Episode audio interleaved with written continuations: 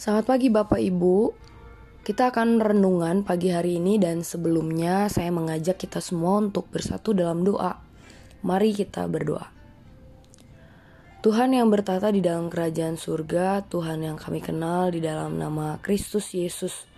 Tuhan kami mengucap syukur pagi hari ini Tuhan kembali boleh memberikan rahmat-Mu atas setiap kami, yaitu hari baru dan juga berkat yang baru yang tidak pernah sama dengan hari kemarin, bahkan dengan berkat yang Kau berikan satu menit yang lalu Tuhan.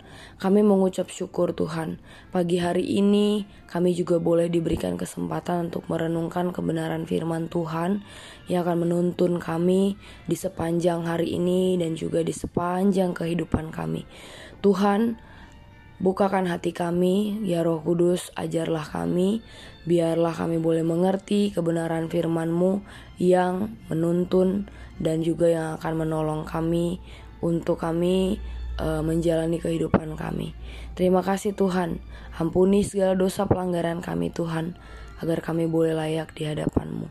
Dalam nama Tuhan Yesus, kami sudah berdoa. Amin. Renungan kita pagi hari ini diambil dari ayat firman Tuhan yaitu 1 Yohanes 4 ayat 16. Bunyinya, kita telah mengenal dan telah percaya akan kasih Allah kepada kita. Allah adalah kasih dan barang siapa tetap berada di dalam kasih, ia tetap berada di dalam Allah dan Allah di dalam dia. Renungan hari ini 6 September Memahami secara mendalam natur dan karakter Allah menambah kedamaian nurani dan memberi sejumlah kesukaan dari Roh Kudus. Di dalam di bawah hukum Taurat, Allah telah menyatakan diri di dalam anugerah. Lagi pula demi aku yang hidup, demikianlah firman Tuhan Allah, Aku tidak berkenan kepada kematian orang fasik, melainkan aku berkenan kepada pertobatan orang fasik itu dari kelakuannya, supaya ia hidup. Jangan berpikir tentang kemurahan Allah dengan pengertian yang menyusutkan, karena kemurahannya sama besar dengan kuasanya. Ada berkat besar bagi jiwa yang menilai dengan benar kebaikannya. Allah akan tampak lebih memesona dan Anda akan semakin siap dan lebih mengasihi Dia. Afeksi akan mengikuti pengertian. Jika Anda berpikir Allah sedang memusuhi Anda dan senang melihat Anda mengalami kesusahan, mustahil bagi Anda untuk mengasihi Dia. Alasan utama banyak orang tidak semakin mengasihi Allah adalah karena mereka membayangkan Dia dalam rupa yang mengerikan dan merasa takut saat memikirkan Dia. Dengan tindakan itu, kita akan melucuti natur ilahi Allah di dalam pemikiran kita. Kita seharusnya mengukir dalam-dalam kasihnya pada pemahaman kita. Tak kala kita mengingat kemurahan dan kasih sayangnya, pemikiran kita tentang Allah akan menjadi indah dan menyenangkan. Kita digugah untuk mengasihi dan bersuka di dalam dia melebihi apa pun. Ia baik secara tidak terbatas dan tak terpahami.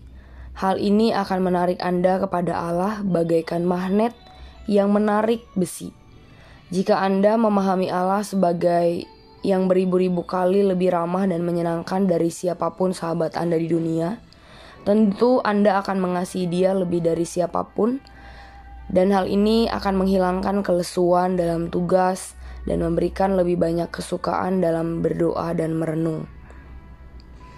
Tak kala Allah menjadi lebih indah di mata Anda, hal ini akan mengakibatkan pertumbuhan semua anugerah dan mendorong pengenalan dan keyakinan lebih lanjut. Pandangan yang jelas akan natur Allah yang penuh kemurahan memberikan jaminan akan kebahagiaan kita. Jika Anda memusatkan sedalam-dalamnya pemahaman Anda kepada kebaikan natur Allah. Bahkan hal ini ternyata masih sangat jauh dibandingkan dengan kebaikan Allah dalam kenyataan sebenarnya. Ya, Bapak Ibu, secara pribadi uh, yang saya nikmati dari renungan hari ini adalah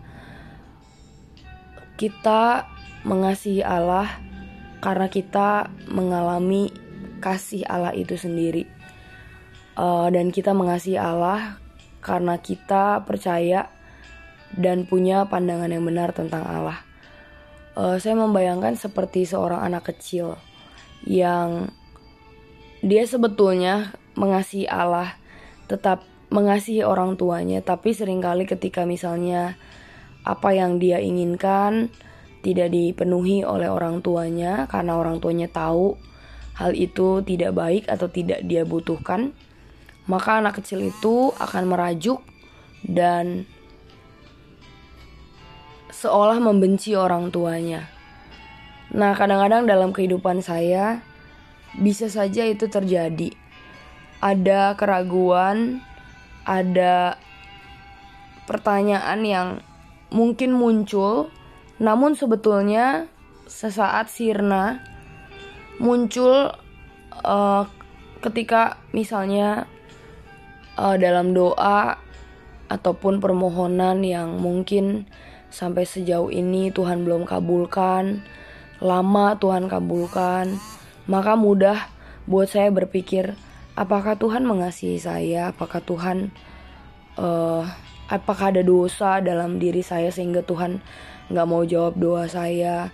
Ataukah apakah Tuhan uh, mendiamkan saya untuk satu hal yang saya harus uh, pahami uh, karena mungkin saya uh, sedang tidak taat dalam hal tertentu.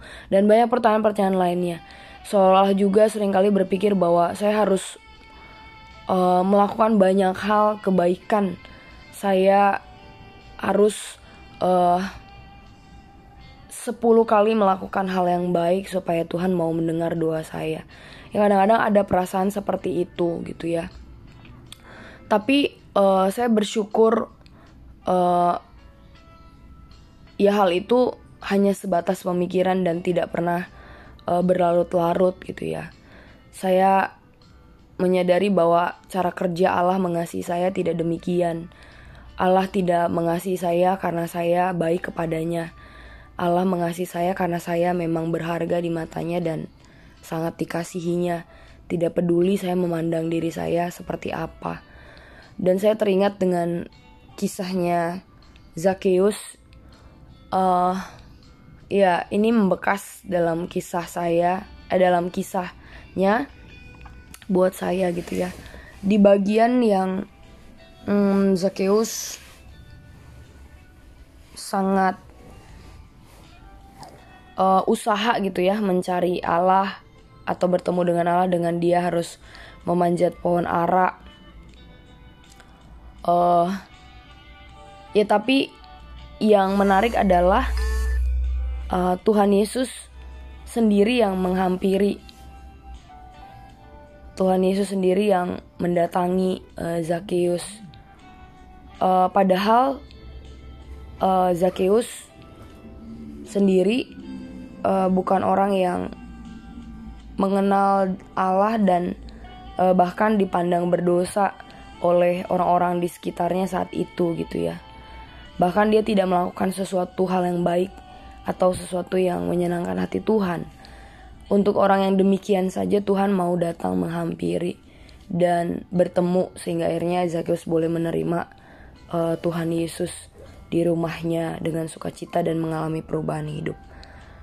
Uh, ya bersyukur hari ini boleh diingatkan oleh kebenaran firman Tuhan dalam renungan Allah adalah kasih uh, dan Allah mengasihi setiap orang yang berada di dalam kasih dan berada di dalam Allah. Allah berada di dalam Dia. Uh, itu sih mungkin yang bisa saya bagikan. Kiranya mungkin bagian lain juga boleh teman-teman nikmati. Terima kasih untuk sudah mendengarkan. Mari kita satu di dalam doa, kita tutup renungan kita pagi hari ini. Tuhan, kami mengucap syukur untuk kebenaran firman Tuhan yang boleh kami uh, dengarkan.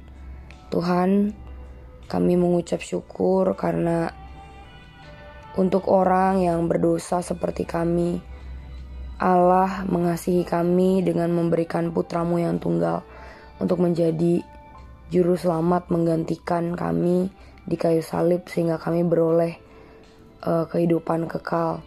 Kami mengucap syukur Tuhan karena ketika kami masih berdosa, Allah mengasihi kami, Allah memandang kami, mencari kami Tuhan supaya kami boleh diselamatkan. Tuhan, uh, namun sering kali dengan mudahnya kami merasa tidak dikasihi ketika kami uh, tidak dijawab doanya ataupun uh, belum dijawab doanya.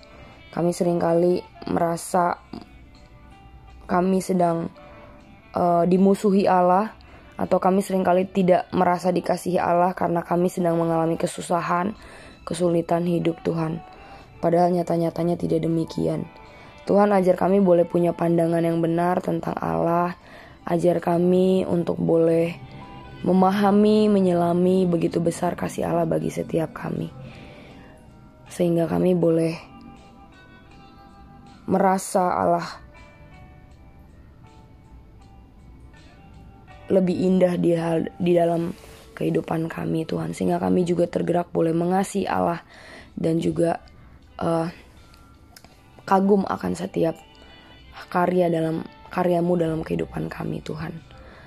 Bapak saat ini kami juga menyerahkan sepanjang hari ini kami akan beraktivitas kiranya Tuhan yang boleh tolong kami, Tuhan yang boleh pimpin kami. Terima kasih Tuhan, inilah doa kami, diserahkan seluruh kehidupan kami. Dalam nama Tuhan Yesus, amin.